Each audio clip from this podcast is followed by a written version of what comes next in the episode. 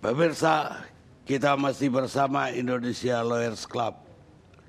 Sekarang kita dengarkan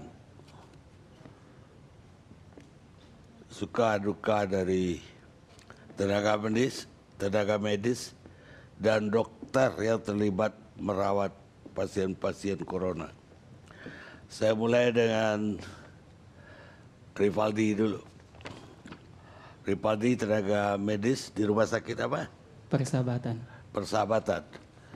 Rumah sakit Ibu Erlina dong. Iya, Kenal tak? kenal. Baik Rivaldi, saya dengar Anda dapat eh, pengalaman atau penderitaan lah dengan ada diskriminasi akibat Anda bekerja di rumah sakit dan merawat orang-orang yang kena corona. Apa yang terjadi dari pengalaman Anda? Baik, terima kasih.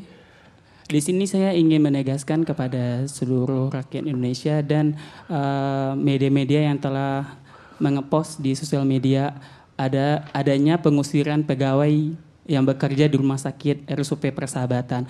Hal itu sebenarnya eh, tidak ada benarnya. Tapi di sini di sisi lain kita eh, kebanyakan dikucilkan. Dalam arti contohnya aku, aku di Jakarta ini perantau Eh, dari Padang ke Jakarta. Eh, karena tinggal sama kakak juga di salah satu di Jakarta Selatan. Pernah pas wabah ini datang ke Indonesia, eh, aku pulang ke rumah.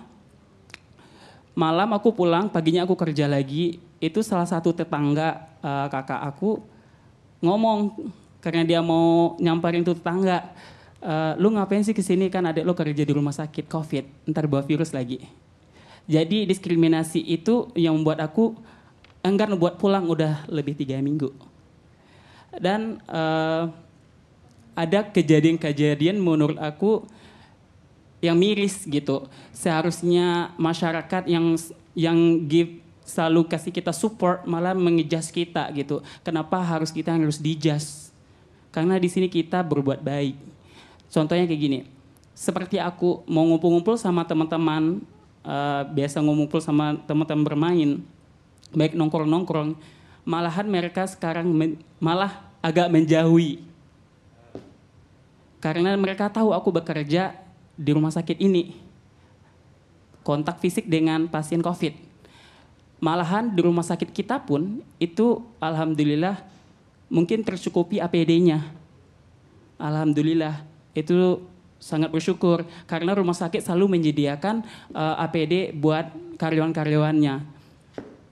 Eh, contohnya kayak gini di lingkungan masyarakat ada kejadian ini sebenarnya eh, bukan mengusir ya tetapi bahasanya agak dirubah.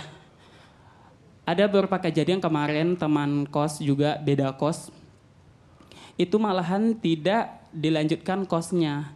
Itu beralasan karena bapak kosnya atau ibu kosnya rumah tersebut mau dipakai buat anaknya. Aku nggak tahu itu uh, apa karena masalah ini atau tidak tapi perbahasanya kayak bahasanya kayak gitu. Uh, dan juga ada salah satu teman juga mau jajan ke warteg. Itu aja dibilang itu perawat covid jadi kitanya yang jadi perawat jadi petugas kesehatan agak risih dengan itu agak nggak enak. Kok gue dijas sih? Seharusnya mereka yang ngasih gue support tapi kenapa harus lo yang doain doain kita gitu? Eh, tapi nggak sampai mereka tidak terima atau apa. kalau tidak terima sih beberapa tidak terima. Tapi dari waktu ke waktu sampai sekarang alhamdulillah ya semua masyarakat udah menerima mungkin karena mereka udah lihat bagaimana penularannya bagaimana udah lihat di sosial media. Jadi alhamdulillah sampai sekarang kita pun uh, baik-baik aja. Saya kira masyarakat eh, eh, umumnya, apalagi dia kalau nonton ALC tiga kali ini, udah dikuliahin terus oleh Ibu Erlina. Bahwa penularannya jaraknya kita bicara 2 meter, kurang 2 meter, bahwa itu tidak lewat udara. sampai kita juga bingung ini dokter-dokter yang rawat corona kok nggak pakai masker padahal kan mereka berisiko rupanya nggak gampang juga tertular kalau tidak ada uh, sentuhan fisik Ya benar. Kalau kita di rumah sakit uh, persahabatan pun kita menjelang kontak itu kita harus lengkap APD dulu, harus mempersiapkan diri dulu, harus mensafetykan diri dulu. Uh, apalagi kita semuanya banyak kru ya, ada dokter, ada ketua tim. Jadi dia selalu menginstruksikan kita, ini APD kamu belum lengkap, yang ini, yang ini. Jadi kita sesuai prosedur kerjanya. Itu pun setelah kontak pun kita uh, setelah kontak kita melepaskan APD pun ada prosedurnya dan ada juga alat untuk cleaning body. Setelah itu mandi. Pokoknya semuanya itu kita dilihatin baik dari gizi setelah kontak di rumah sakit. Dan begitu pun aku sendiri perawat terima kasih kepada uh, donatur-donatur yang udah ngasih kita seperti makanan uh, donatur APD semuanya bagi petugas kesehatan. Itu terima kasih banget.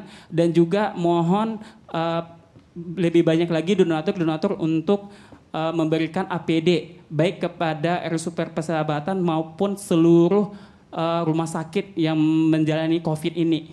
Saya mohon uh, kepada donatur-donatur uh, semoga bisa memberikan APD secepat mungkin. Ya saya kira yang kepingin beramal juga banyak. Uh, pagi ini saya dapat SMS dari sekretaris saya karena saya nggak ke kantor uh, bahwa ada teman saya menyumbang 500 juta rupiah melalui SUN satu untuk negeri TV One. Namun teman yang pengusaha ini dan tidak mau disebutkan namanya. Jadi tidak akan diumumkan namanya, tapi sumbangannya sudah kami terima. Saya ucapkan di sini terima kasih kepada teman saya atau sahabat saya yang menyumbang.